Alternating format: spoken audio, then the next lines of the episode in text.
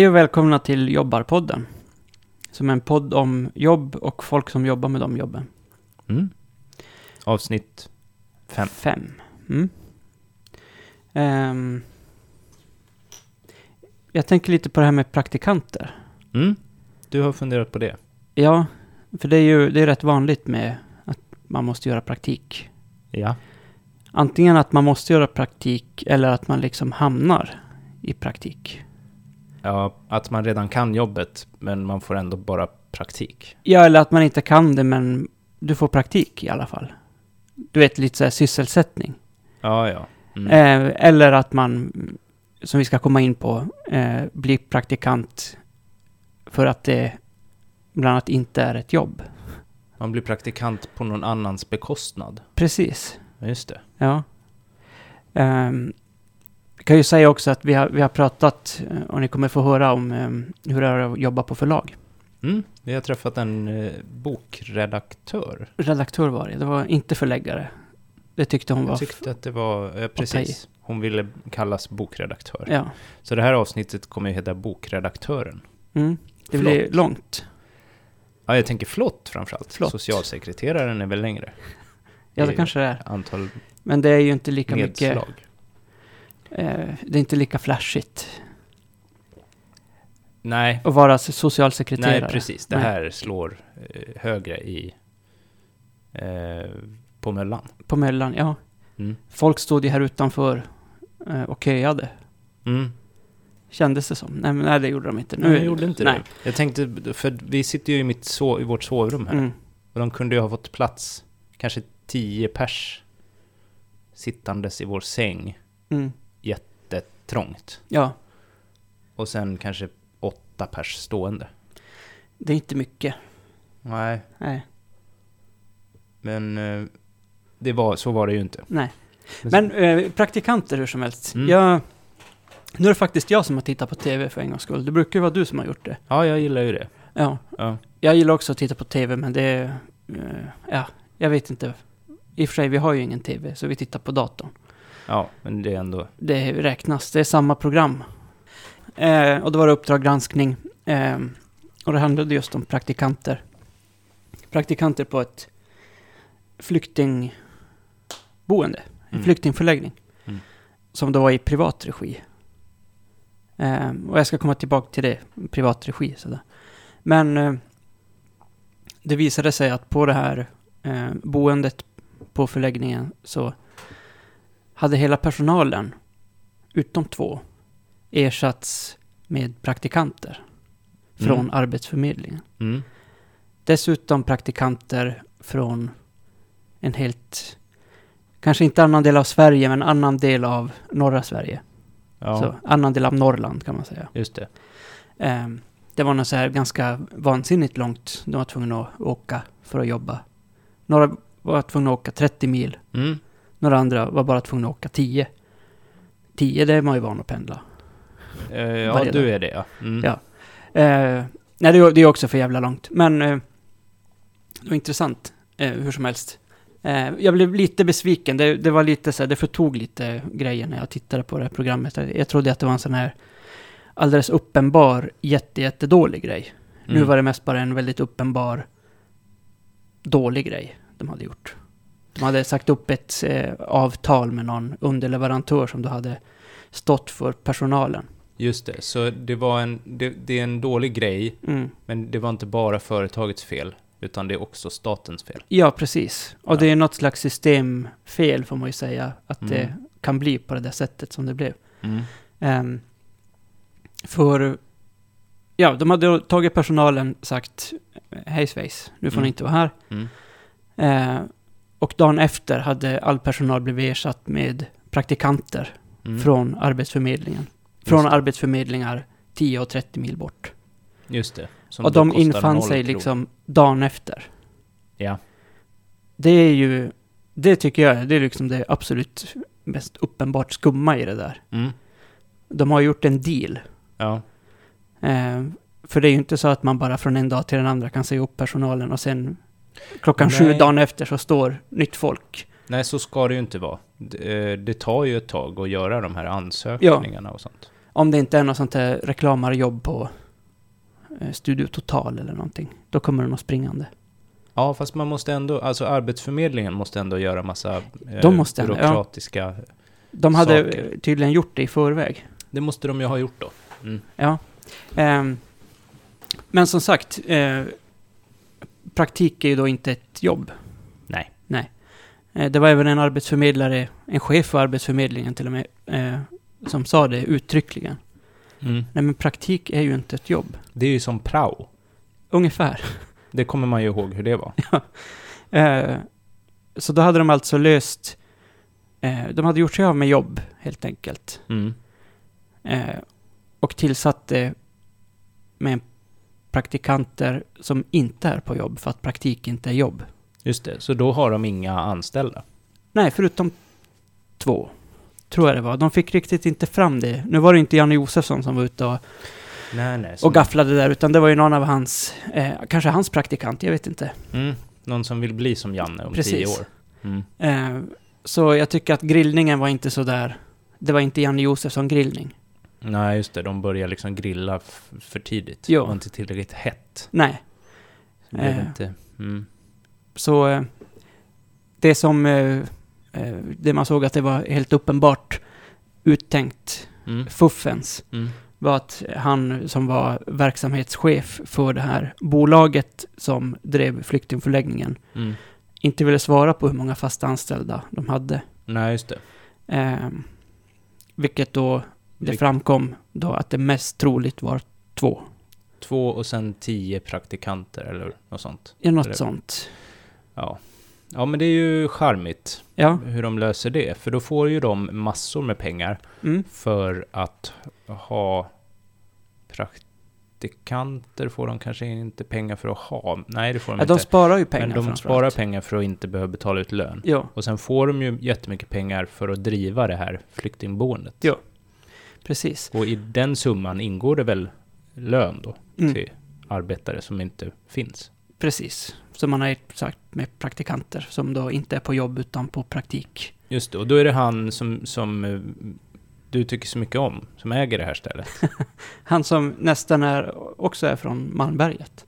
Fast det är Mm. han inte, han är från eh, grannkommunen Överkalix. Okej, ja, Leif Ivan. Just det. Ni kan googla det här, bildgoogla Leif Ivan så får ni se som, Det är Eh. liksom Norrlands Kamprad. ah, Kamprad. Jag skulle säga Norrlands, Bert Karlsson. ja, Norrlands Bert Karlsson eh, uppblandat med sån här rysk nyrik oligark. Mm. Mycket förgyllda, stora eh, möbler. Mm. Och mycket... Så får man väl inte hålla på i, i Norrland? Nej, jag tycker att man får ju liksom hålla sig på mattan där. Han, måste, han kan ju inte vara lästedian. Nej, mest troligt inte. Nej. De är i och för sig väldigt företagsamma, ofta. Men ja, Men han, det skriker inte liksom eh, eh, gudsfruktan kring honom. nej. Gudsfruktan, ordning, flit.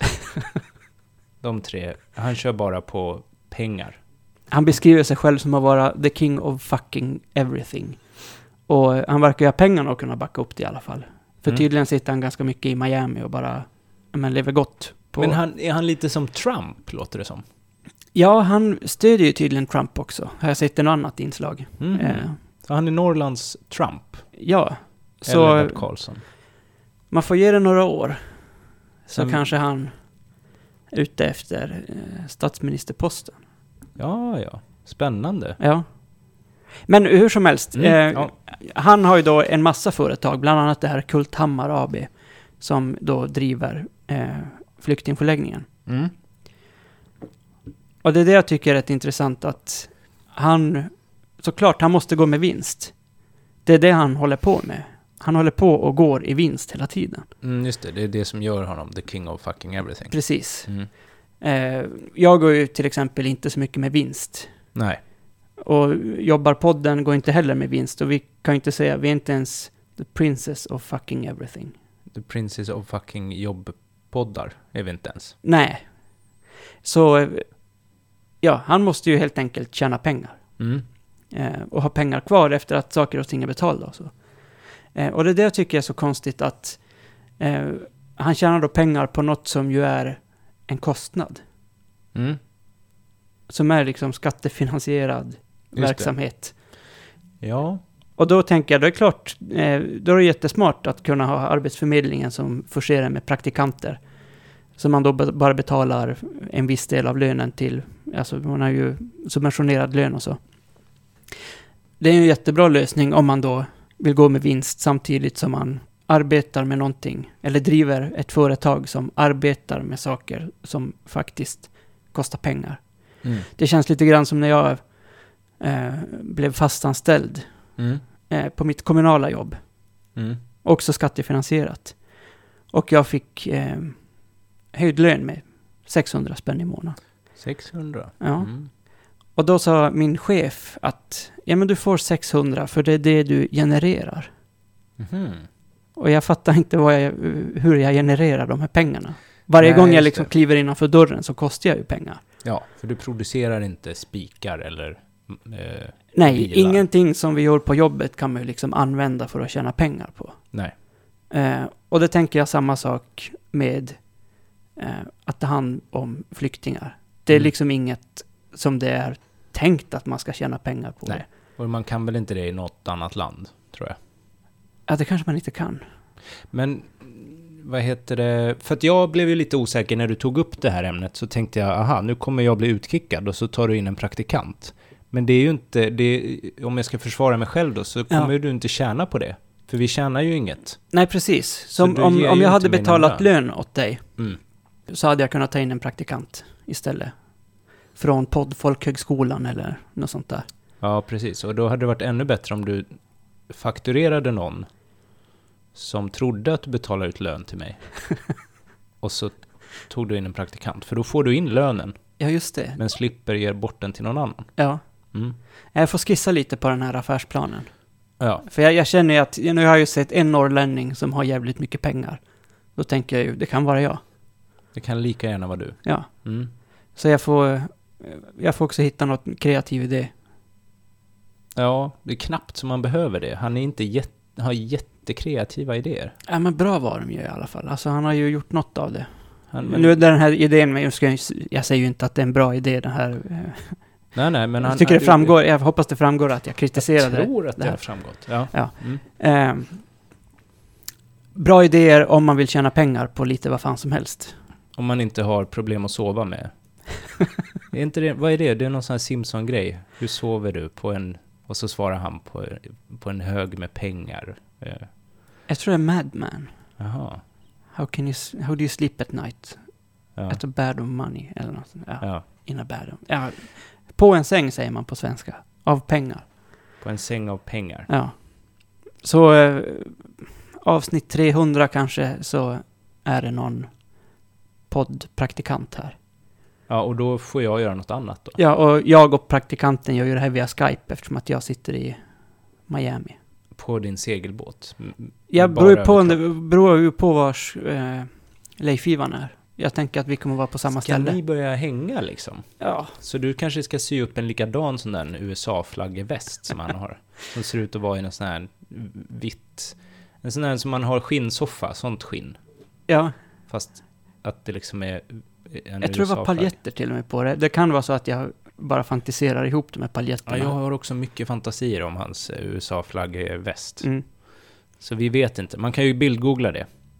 Så man kan säga att min inredningsstil nu som jag har hemma i, i lägenheten nu, det är ju så här Ikea-bord och sådana Bauhaus-stolar. Mm. Billig bokhylla. Mm. My, mycket Ikea så. Eh, men då kan ju eh, bildgoogla den här Leif Ivan och framförallt hans förgyllda stora vräkiga stolar. Det är bara i väntan på dem som du har de här Bauhaus-stolarna. Mm. Men jag tänker för att kunna sitta bekvämt i en sån stol Mm. så måste man nog känna att man är the king of fucking everything. Mm, just det. Som Gaddafi eller, Gaddafi eller Leif Ivan. eller Leif Ivan. ja, Ja. okej. Vad- Ja, men vad spännande. Så vad har vi lärt oss nu? Vi har lärt oss att eh, man kan tjäna jättemycket pengar på att sparka människor och ta in praktikanter istället. Ja, och dessutom kan Och- de pengarna tjänas på eh, skattefinansierade verksamheter. Ja, Det är liksom det, är det jag tycker är det märkligaste av allt. det, är konst, det märkligaste av allt tycker jag, det är att inte alla gör det. När möjligheten finns. Mm. Ja. Vad ska vi starta då? Ja, det vet jag inte. Alltså det spelar inte så stor roll. Vi kan ju bara göra precis som han. Det känns som att det nästan är ett återkommande tema, att vi har ett litet spartips. eh, Ja. Och det här är ju då veckans spartips. Praktikanter. Praktikanter. Och som sagt, man kan Ja. använda praktikanter till nästan vad som helst. Mm. Ehm. Ja, nej, möjligheterna är ju oändliga. Mm. Vad, Ja. vad har du tänkt på då? Jo, jag har tänkt på det här. Att eh, jag letade efter en annons, för jag tyckte det här som vi ska... Vårt intervjuobjekt, alltså bokredaktören, Mm. verkar vara ett väldigt spännande jobb. Alltså eh, personen som vi intervjuar verkar ha det bra på jobbet. Och om man skulle söka ett sånt jobb då, det är jättesvårt. Det fanns inga utannonserade. Det enda jag hittade var en webbredaktör, eh, ungefär. Och då stod det så här. Är du duktig på att trolla med bilder och ljud och lyfta ett rörligt material för att skapa en wow-känsla? Då är du rätt person. Mm. Eh, då tänker jag genast, nej, det är jag inte. och eh, vad synd, för då ska jag inte söka det. Ja. Men, då kan man googla på eh, så här, hur ska jag få ett jobb som jag inte är kvalificerad för? Okej. Och då kan man läsa hur man ska göra då. Är det allmänna tips? Eller? Ja, det är ganska allmänna tips. Eh, de menar att, att den här jobbannonserna alltid vill ha eh, allting. De vill ha solen, månen och stjärnorna, säger de. Och, eh, så det kan man ju inte ge dem. Det är Nej. ingen som kan ge dem. Alltså de, det är väl lite så att man kan läsa mellan raderna att de menar att inte ens de som jobbar på jobbet skulle kunna söka jobbet. För att annonsen är så eh, oerhört eh, exakt Okej. och vill ha så mycket. Ja. Så att det är ingen person som eh, kan det. Alltså det då skulle vara Leif Ivan då kanske. Är det liksom en eh, version av eh, komma in i nytt yrke med gärna fem års erfarenhet från det yrket? Ja, precis. Ja, men det är väl den här, man, vad är det de brukar skoja om? Så här, man ska vara 25 år, ha gått eh, fem år på högskola och jobbat 15 år. Ja. Eller sånt. Ja. Eh, men eh, så, så, då ska man bara strunta i de annonserna. Man ska inte söka de jobben på nätet. Nej. Eh, man ska aldrig fylla i en sån nät. Här kan du söka på, för det här jobbet. Okej. Klicka här.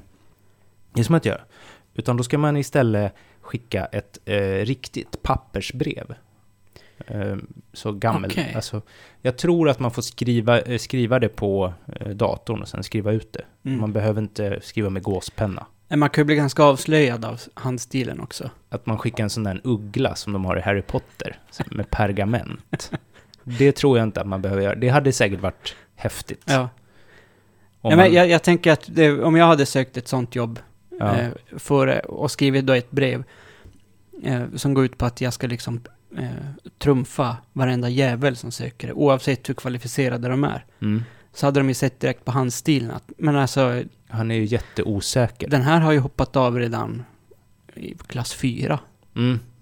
Ja, nej, det, det, det är samma här. Min handstil är ju förskräcklig. Ja. Så det får man ju hoppas. Så man, man, jag hoppas på att man kan skriva det här på dator. Jag tror det. Jag, jag förutsatte det. I alla fall. Och då skriver man ett... Och då kallar de det för pain letter.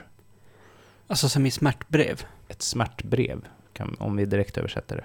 Och det är ett brev som då berättar eh, inte någonting om dig själv.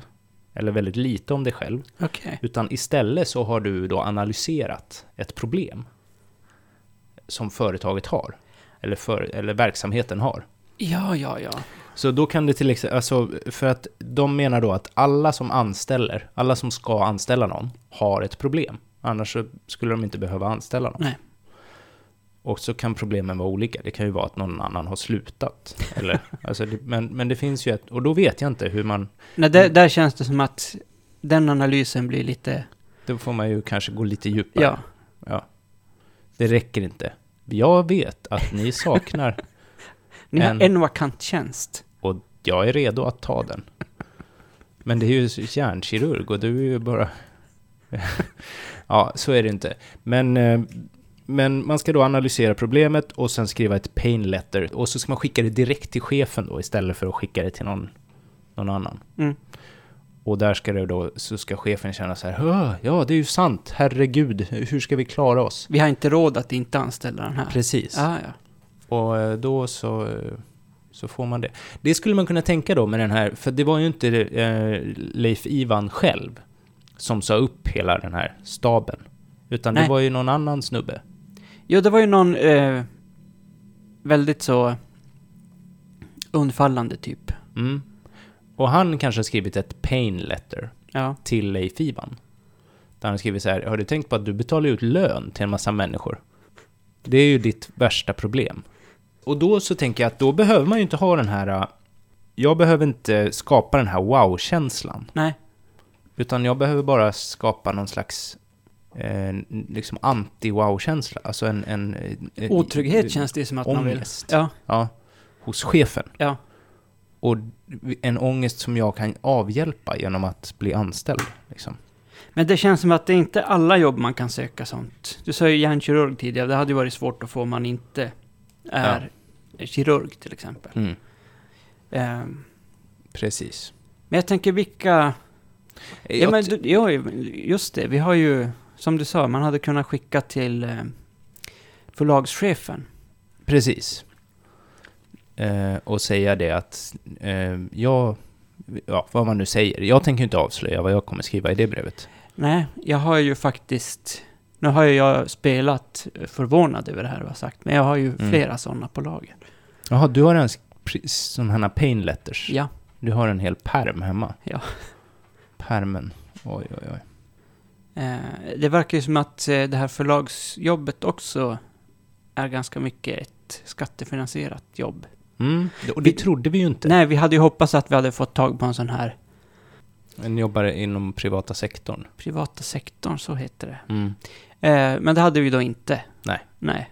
Eller, alltså det är den privata sektorn, men de lever på bidrag, Mm. kan man väl säga. Ja, det gör de ju verkligen. Ja. Ja. Eh, så det, det var lite synd. Jag undrar, de flesta förlag verkar det som, Mm. eh, har ju en del av det de ger ut, får de ju, eh, måste de ju ha kulturstöd för. Mm. Eh, och det här förlaget som hon vi intervjuar jobbar på, det är ju inte direkt så att de ger ut eh, Millennietrilogin eller så. Nej, de gör ju inte det. Det verkar inte vara kioskvältare de pysslar med. Nej. Eh, för där verkar man aha, hittar man en kioskvältare så. Då, Eh, då klarar man sig själv. precis. Men det har ju inte ens Leif Ivan gjort. Kioskvältare. Han har inte hittat någon. Han skulle ju också kunna... Det har ju Bert Karlsson, hans motsvarighet. Han har ju det här med skivbolag, Mm. Som han har tjänat mycket pengar på när det var populärt. Om eh, våra äldre lyssnare kommer ihåg det, så hade man ju förut skivor hemma, Just det. som man lyssnade på. När man skulle lyssna på musik. Och han hade väl även, var det inte han som hade Ultima Thule? Det hade han säkert. Typiskt charmknutte. Så en riktig... Ja, men det passar ju bra in på honom. Ja. Eh, så då skulle ju då Leif Ivan kunna hitta litteraturens motsvarighet till Ultima Thule. Och liksom producera massa böcker då. Ja, vilken, vad skulle det vara? Nej, jag vet inte. Det kanske inte finns än. Nej, förhoppningsvis inte. Ja. Okej, men ska vi snacka om gästen då? Ja, vi inledde ju med kortfrågorna. Mm. Så De som alltid är likadana. Ska vi lyssna på dem? Fryser du mycket på jobbet? Ja, det gör jag. Absolut. Det är så kallt på vårt kontor. Jag vet inte varför, men jag fryser mycket. Jag brukar ha en filt på mig. Kanske därför jag har nackspärr. Ah, just det. Men är det så att du fryser hemma också? Eller är det bara så Eh, att du, nej. Det, så du är ingen så superfrusen person? Jag är, det är jag verkligen inte. Men det är, liksom, det är, så ganska dragigt på vårt jobb tror jag. Så, ja, jag, fryser ganska mycket. Mhm, mm. Det var kanske lite oväntat. Ja, ja. Mm. kallt och draget. ja.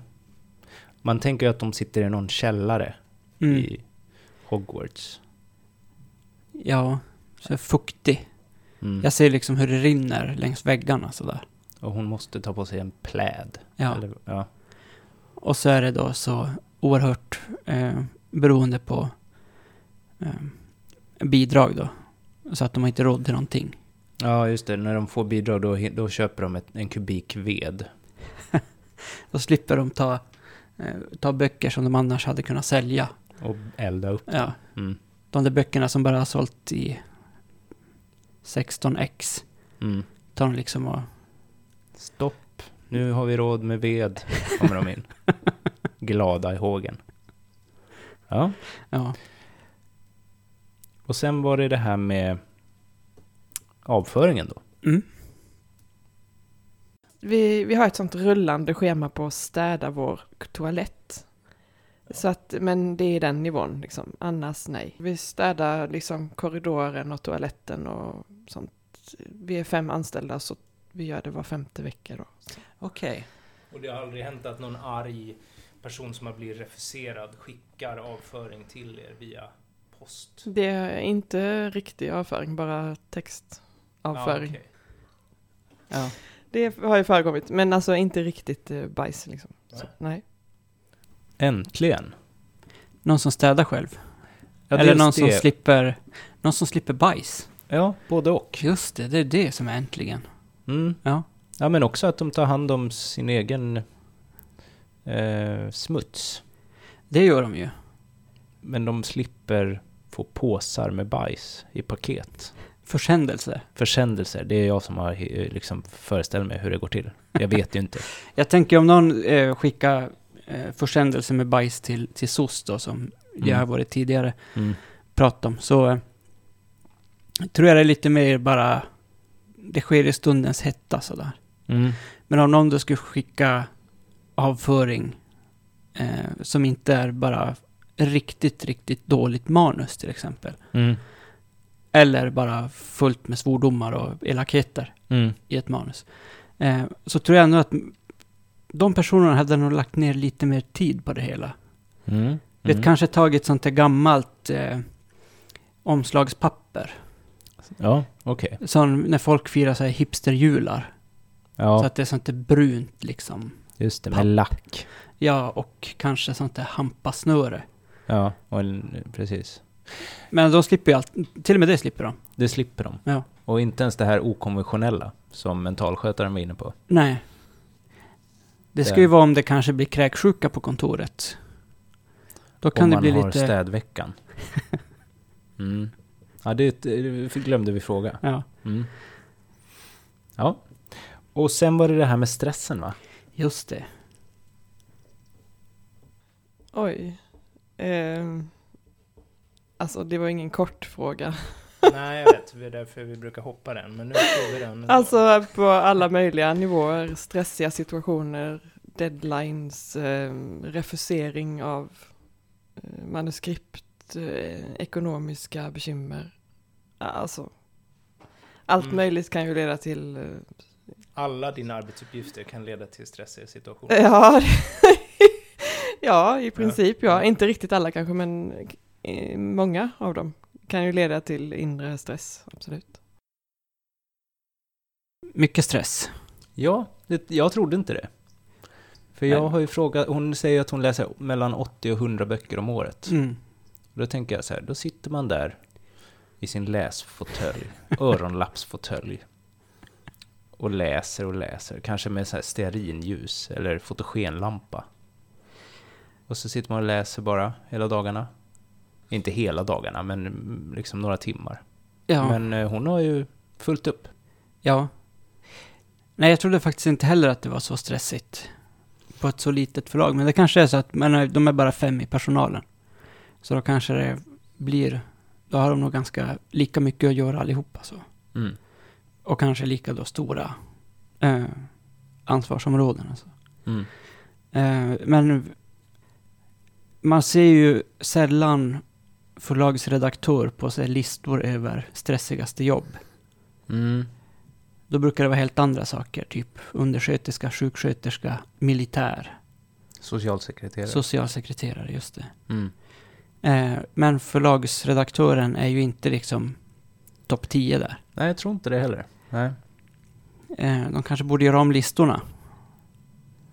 Ja, det, men det stod ju inte heller i den här annonsen som jag tittar på. Nej. Att man skulle vara jättestresstålig. Utan man skulle skapa en wow-känsla. Wow-känsla, just det. Mm. Men då kanske det blir då, man eh, stressar, hon pratar ju om inre stress. Mm.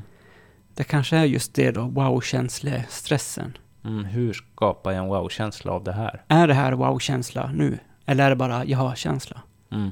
Jag har jag okej-känsla. ja. Och sen det här med uniform då. Mm. Det, det blir ju spännande att höra. Jag hoppas att de har uniform. En särk. Någon sån här präst. Pre- prästsärken. Ja, Ja. fast svart. Har inte präster, är inte de ofta svartklädda? Jag vet inte. De har väl lite olika färger. Men eh, det Ja. beror ju på vad det är för högtid. Men jag tänker att de ska ha svart och sen ska de ha sån här fyrkantig universitetshatt. Som de har i USA. Som de kastar upp i luften. Vi får se vad hon säger. Ja. Mm. När jag jobbar på mässor så brukar vi ha ett förkläde med vår logga på. Okej. Men det är ju, det är ju då. Så du får andra kläder än svart polo? Ja, ja. Ja, det var konstigt. Förkläde på mässa. Mm. Ja, det, jag tycker att det låter ju lite mer lovande för oss Mm. än de andra jobben. Mm. Det är det att här måste man ju städa själv. Ja, men det eh, har jag inga problem med faktiskt. Ja, jag städar ju mycket på jobbet, men Mm. De jag jobbar med gör ju annat än att sitta och läsa böcker hela dagarna. Om jag säger så. Just det, de som är dina, eh, anledningen till att du är där. Alltså Precis. inte dina arbetskamrater utan... Nej, Mm. ganska mycket är jag ju anställd för att just städa efter dem, får man Mm. ju säga. Mm. Eh, så där finns det ju ett mer tydligt behov än av folk som då faktiskt jobbar på ett förlag. Man skulle kunna säga att om du jobbar halvtid där och sen halvtid på förlaget, då skulle du behöva byta förkläde emellan. Ja, Mm. Jag förstår. Nästa fråga då, det är det här med auktoritet. Mm. Det är ju min knäckfråga, mm, min käpphäst. Kan vi hoppas då, första jobbet med en helt platt organisation Vi håller och ett tummarna. gäng anarkister. Mm. Ja, Det var en svår fråga. Alltså vi har ju en chef, han bor i Stockholm. Han är mer en kreativ chef, så vi styr ju själva över verksamheten. Men det betyder ju inte att vi inte gör som delvis som vi tror att han vill. Liksom. Så det, det var inte Mm. heller en kort fråga. Nej, jo, i vanliga fall. Men alltså svaret är väl ja, det finns, jag har en chef. Liksom. Ja. ja Magnus, vad säger du? ja, jag tycker det duger. Det duger. Ja.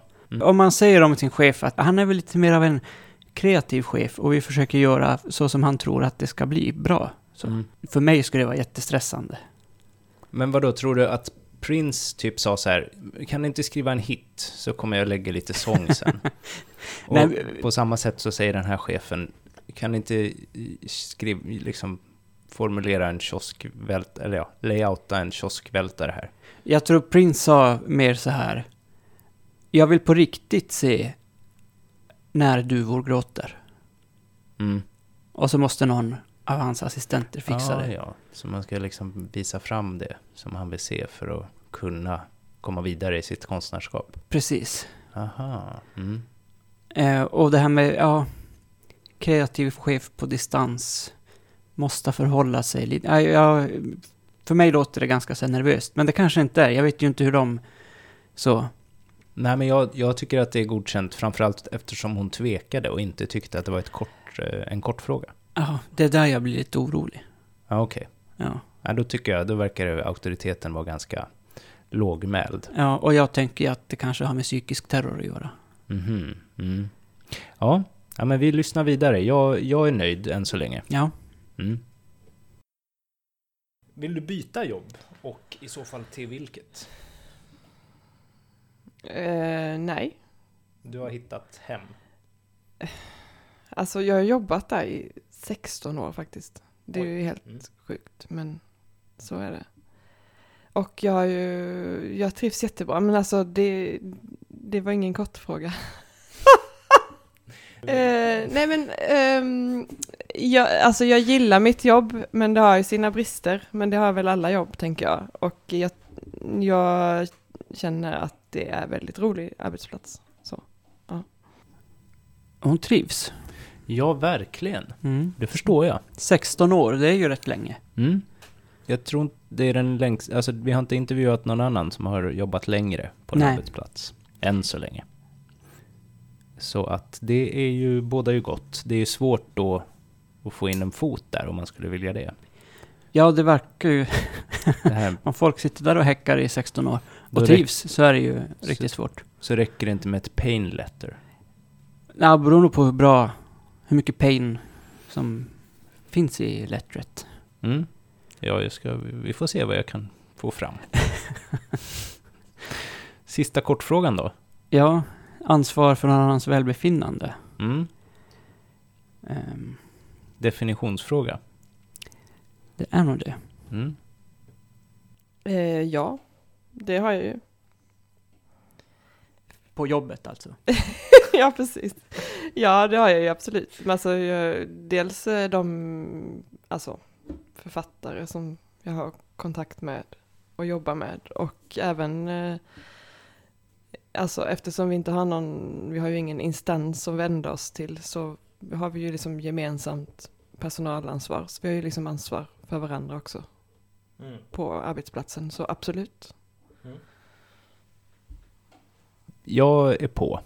Än så länge så, eh, så låter det ju bra och framförallt så låter det som ett välbefinnande ansvar som, som jag gillar. Mm.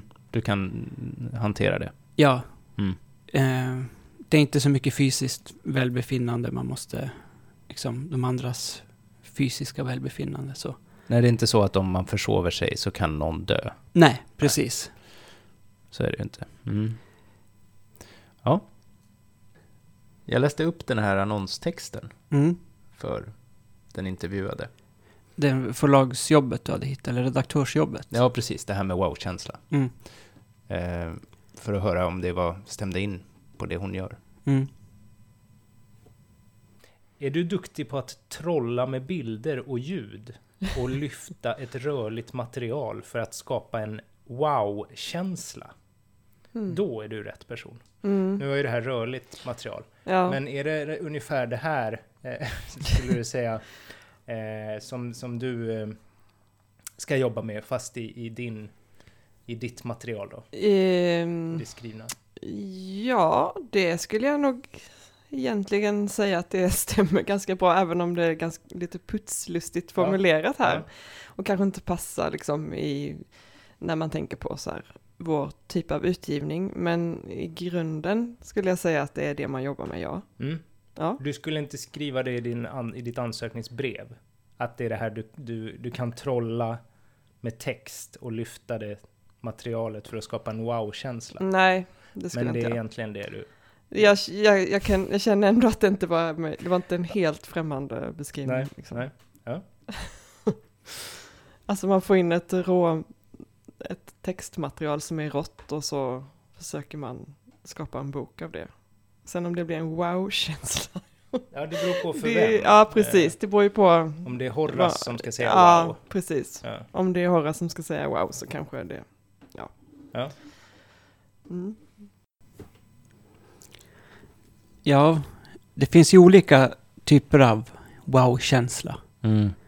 En är ju när man till exempel är tio månader gammal och tittar på typ Babblarna.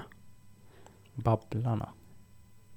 Eh, det är väl något sånt där som folk med små barn brukar eh, sätta sina ungar framför. Mhm. Ja.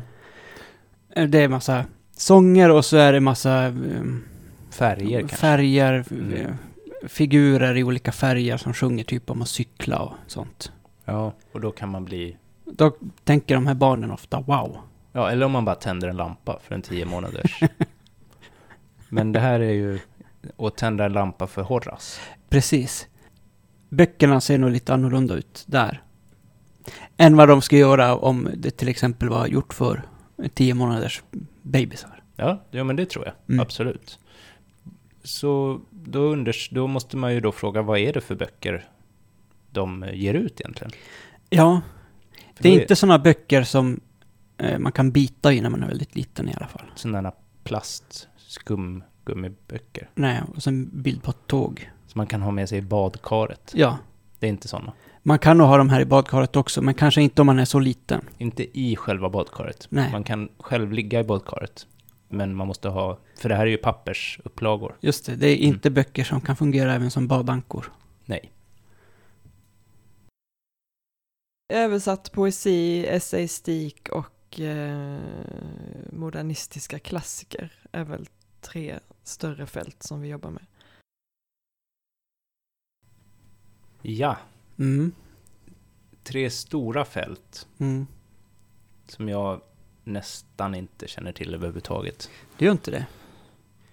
Ja, alltså moderna klassiker, det är klart. Den känner jag ju till.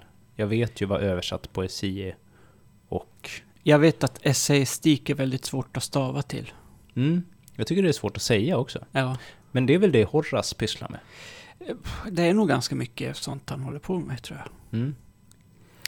Ja, men så det var det de, det är det de ger ut då. Det är alltså inte de här barnböckerna i badkaret. Nej, och det är ju heller inte då eh, deck- deckare eller... Alltså de, de säljer väl sådär, verkar det som. Mm. Bara, alltså det tänker jag bara med, med tanke på de tre stora fälten de håller på med. Mm.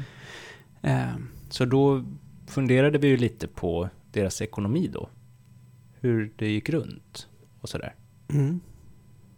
Dels så eh, funkar det ju så att eh, man söker pengar, alltså när man har gjort en bok så skickar man in den så skickar man in den till Statens kulturråd och så har de en referensgrupp som bedömer då dess kvalitet. Och om man får ett stöd därifrån så köper de 300 ex av boken och så skickas den ut på biblioteken och så fungerar det statliga stödet för böcker. Och vi har ju väldigt hög då procent av våra böcker som får detta stöd. Okej. Så man kan säga att jag också är anställd i offentlig sektor i någon bemärkelse. Ja, det var lite det jag var, ute efter. Eh, alltså re- rent eh, konkret så innebär ju det att till exempel med en diktsamling är det väldigt svårt att få runt budgeten om Mm. den inte skulle få stöd. Men jag måste bara fråga, alltså 300 ex, Ja, det är inte så jättestora summor då? nej precis, nej det är det ju inte. Ja men alltså det är ju inte några jättestora summor någonsin för några av våra böcker, alltså så. Men för de 300 exen, då ska ni liksom täcka kostnaderna för dem då? Eh, för Ja, alltså, ja, och då, eh, ja sen säljer de ju också förstås. Alltså vi säljer ju inte noll ex liksom, av en Nej. bok så. Men 22? I bästa fall 122. Mm. Liksom. Nej, men sen har vi ju andra böcker som säljer lite mer förstås. Alltså, vissa av våra titlar kanske säljer 500 ex och då, då får ju de bära. Men visst, vi har ju ingen, vi har inga sådana böcker som säljer, liksom ingen bok som har sålt över 5000 i alla fall. Någonsin. Mm. Så, ja. Det är ju, alltså, det är ju svårt att få ihop det, helt enkelt. Det är det. Sen ger vi ut också litteraturvetenskap och där brukar det vara så att eh, forskaren då har med sig lite pengar in i projektet som täcker tryckningen och kanske lite av arbetet också. Så den, den delen av förlaget bär sig bättre. Just det, det var alltså en hund som eh, kom in i studion när vi tog den här frågan. Så det är alltså inte eh, en hund som har krafsat på våra lyssnares hörlurar. Nej. Precis. Eller det vet vi ju inte om det kanske också är det. Men i de flesta fall så var det nog min hund som eh, gjorde märkliga ljud som är svåra att få bort. Ja. Eh, Så vi får be om ursäkt lite grann. Ja, verkligen. Ja. Mm. Ja, ja. Eh, så är det med det.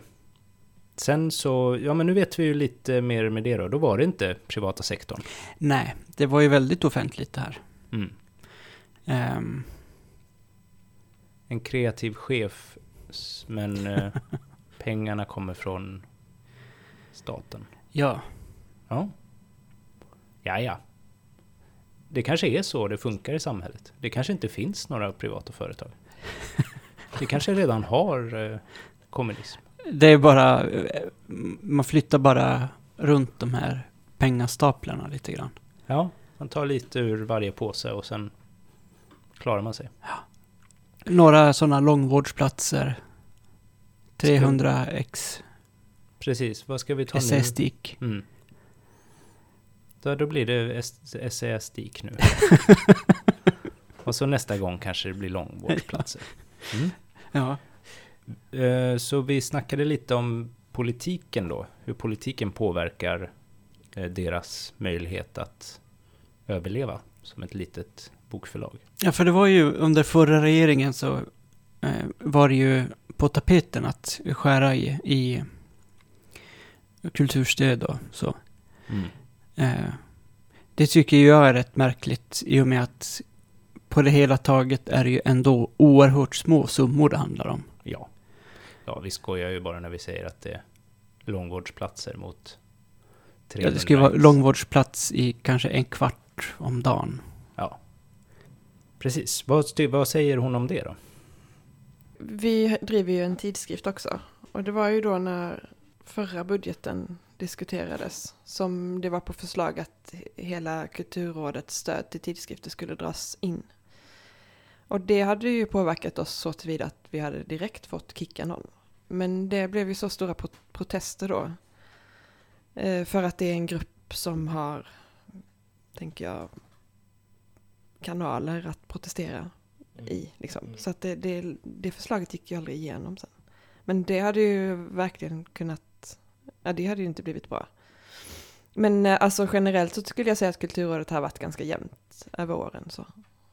Det är ju lite mer, det är snarare så här att den här referensgruppen som sitter, alltså den byts ju ut då med jämna mellanrum med all rätt. Och då kan det ju vara, liksom, eftersom kvalitet inte är något eh, fast begrepp så kan ju någon som beroende lite på vad den referensgruppen har för preferenser helt enkelt så kan det ju ha, har det ju skiftat lite. just det. Och det, och, det, och det är ju bra, tänker jag. Alltså att det hade ju inte varit bra om det satt samma fem pers där tusen år. Svenska Akademin. Ja, typ. Det hade ju inte varit så jättebra. Så ja, det tycker jag ändå är en bra då skiftning liksom. Ja, det är ju skönt att de kan, eh, att de har kanaler, alltså tidningar, att skriva i. Ja. När man vill lägga ner tidningar. Så att det blir svårt för politikerna. det är inte så många som har den möjligheten. Nej. Eh, nu tror jag inte det kanske var just i den tidningen som de, Nej, det kanske inte är. Den har inte så himla stor spridning. Det är en av de större i Sverige. Mm. Men det är ändå inte... Eh, det är inte så att eh, Peter Wolodarski tänker att ska jag skriva i DN idag eller ska jag skriva i den här Nej. eh, lilla poesitidningen? Det är inte den. Nej, just det. Nej. Ja, ja, men det var ju bra i alla fall att de klarade sig. Mm. Eh, det- Alltid bra när verksamheter klarar sig. Ja, och vi snackar lite vidare om det, för att det kan ju bli lite skakigt Ja. ibland. Det måste ju vara jobbigt att inte veta hur mycket pengar man har att röra sig med Mm. i sin verksamhet. Eh, liksom under tiden som man använder de pengarna. Ja, jag tycker det låter jättejobbigt. Ja, Eh, ja, vi, vi hör hur de tacklar det. Mm. Vad innebär det rent eh, jobbmässigt för dig? Mm. Om en bok får kulturstöd till exempel, Mm. om en inte får det och... Precis. Alltså, ofta är det så här att de här mötena är då några, några gånger per år. Så, och då kanske vi har några titlar uppe på varje möte. Och så inför dem så helt enkelt är vi sjukt nervösa och eh, går ett möte dåligt så har vi typ inga pengar ett tag. Tills nästa möte. Alltså, mer eller mindre. Alltså det är kanske lite överdriven bild, men ändå att varje möte är liksom ett ödesmöte nästan. Och ehm, jag tänker om man jämför med teater och annan verksamhet, då söker man ju kanske kulturstöd i förhand för en säsong och så vet man att nu har vi fått en halv miljon och då vet vi hur många anställda vi kan ha och hur stor eh, uppsättning vi kan göra så. Men för oss är det ju liksom inte så. För det kan ju inte vara så eftersom man, vi kan ju inte liksom få stöd innan vi har gjort boken för då vet de ju inte om den är bra. Och det skulle bli för stor statlig inblandning liksom om man om de skulle ge stöd i förhand. Så därför är det ju detta vågspel hela tiden. Så det är ju jättenervöst aspekt. av Alltså, det är i princip som att ni får ett stipendium för varje bok. Ja, Alltså. precis. Mm. Mm. Sen finns det ju, sen har vi ju några tittare som inte är så beroende av detta stöd. Så att det är inte så att varje bok står och faller med det. Men, men de smalaste gör ju det. De sitter alltså några gånger per år och är sjukt nervösa Mm. Om verksamheten ska gå runt eller inte. Ja, precis. De har liksom använt pengarna Mm. och sen måste de fråga pappa om de får pengarna som de redan har använt. Tycker du har tagit en lite sån här kulturfientlig position här? På tal om pappa så är det ju min treåring som springer runt här i bakgrunden och ropar pappa. Mm. Så ber vi om ursäkt återigen då. Ja, det får ju du be om ursäkt för. Ja, jag, Ja. jag gör det. Mm. Ja, men det gör jag. Ja. Ja, okej. Och sen så frågar vi lite om det här med kreativt arbete. Hur, hur den processen liksom funkar. Mm. För att det är ju det som är hennes... En stor del av hennes arbete. Det är när hon ska forma själva boken. Mm. Det skiljer sig ganska mycket åt, framförallt beroende på om det är en översättning eller en, ett svenskt material. Och det mest kreativa jobbet är ju med svenskt material tycker jag, för att då har man ju direkt kontakt med en person som, och, och kan mer påverka liksom, hur boken kommer att bli i slutändan. Och då är det ju, alltså det är liksom en underbar känsla att man får in en word-fil och börjar visualisera en bok liksom. För det, det är så himla stor skillnad och man själv får vara med och, och skapa den tillsammans med författaren, den bo boken. Och då tänker man ju på allt kring omslag och hur upplägget ska vara med boken och alltså alla delar liksom trillar in i huvudet på en under processen då som kanske varar i två, tre månader. Liksom så. Ja, det är verkligen, det är svårt att beskriva men det är jätteroligt. Och eh, ja. Är det så att om det liksom är en översatt bok, Mm. eh, sneglar du då på eh, originalupplagan liksom? Alltså den... Du menar rent grafiskt så här? Ja, Eh, nej, inte direkt, men eh, nej, det gör jag inte. Men däremot så har vi ju alltid originalen eftersom vi kollar översättningen och sitter och jämför och diskuterar med översättarna. Så, så att vi, ja, vi, lä- vi försöker ju läsa original på de språk vi kan då. Liksom. Men annars kan man ändå göra det, har, har vi märkt. Man kan läsa originaldikter på språk man inte kan också. Alltså bara för att få en känsla av ungefär hur det verkar vara. Liksom. Så. Typ polska och sånt som man inte kan alls. Kan man, jag brukar ändå alltid sitta med originalet och liksom titta och så. Ja. Och sen när det gäller tidskriften så är det ju en, en jättestor rolig kreativ del av jobbet liksom att ja, komma på vad som ska vara med i den och eh, läsa massa unga poeter som man, eh, vi absolut inte skulle ha råd med att ge ut i bokform men som vi plötsligt kan eh, puffa fram i vår tidskrift och så. Det är ju en jätterolig del av jobbet också. Ja, ja, okej. Så att ni publicerar en, en Ja, av en... Precis. Mm. Eller någon text om eller intervju. Alltså så här, där kan man ju mer jobba med sånt som man inte känner kanske är riktigt färdigt eller skulle hålla ekonomiskt i bokformat. Men Mm. man kan alltid publicera tre dikter och ja, det är kul för då har man ju liksom en helt annan det är liksom en kortare, en kortare tanke liksom, än de här böckerna som är för evigheten som man kan, vi brukar säga, lite roligt. Men en tidskrift är ju kanske mer att att liksom intressera sig för ett nu liksom. Mm. Ja, vad säger du? Ja, sammanfattningsvis.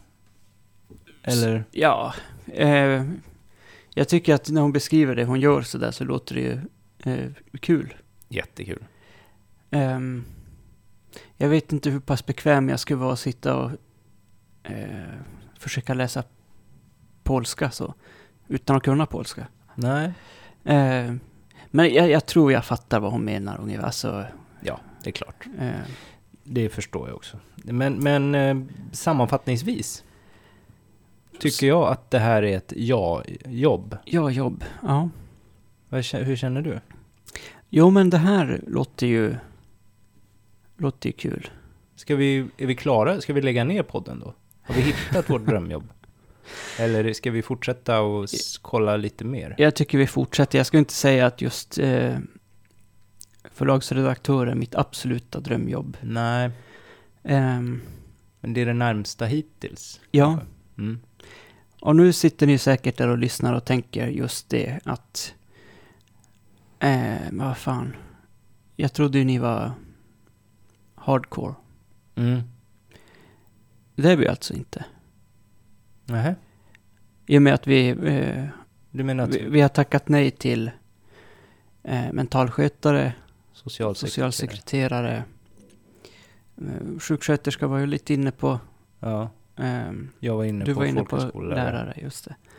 Ehm, Ja, jag vet inte om jag måste välja mellan det här och folkhögskolelärare. eh, du måste ju, du, framförallt måste du välja mellan eh, jobba Volvo, Lastkaj Tung industri. eller eh, öronlappsfåtölj. ja du får typ välja här mellan eh, Stendammslunga, som man ju får, tänker jag, på industrin. industrin. Mm. Mm. Eller, Eller eh, vad man nu får för arbetsskador av det här. Lite ont i nacken. närsynthet. Man Ja. blir en sån beläst jävel dessutom. Mm, det kan man bli tokig av, har jag hört. ja, nej, vi får, jag får fundera på det då. Men jag tyckte ändå det var ganska många plus Mm. idag. Jo, alltså det här låter ju eh, som något jag eh, hellre hade tagit. Mm. För att det låter väldigt långt från det jobbet jag har nu. Ja, verkligen. Och ganska långt från det jag har också. Mm. Som, nu är jag bara timmis, så jag vet, ja. Men ändå. Ja. Ja, nej men det, det blir plus, många plus idag. Och det var ju kul. Mm. Så får vi se vad det blir nästa vecka. Alltså min... Eh, eh, det jag tycker verkar sämst med det här jobbet. Mm. Eh, Det är ju inte behöva eh, städa eller eh, vara vettig mot kollegor och eh, då prata med författare och försöka lirka med dem i hur man ska lägga upp boken och så. Eh, det är det att det verkar väldigt, väldigt nervöst. Ja, Rent ekonomiskt nervöst. än så länge har de ju klarat sig.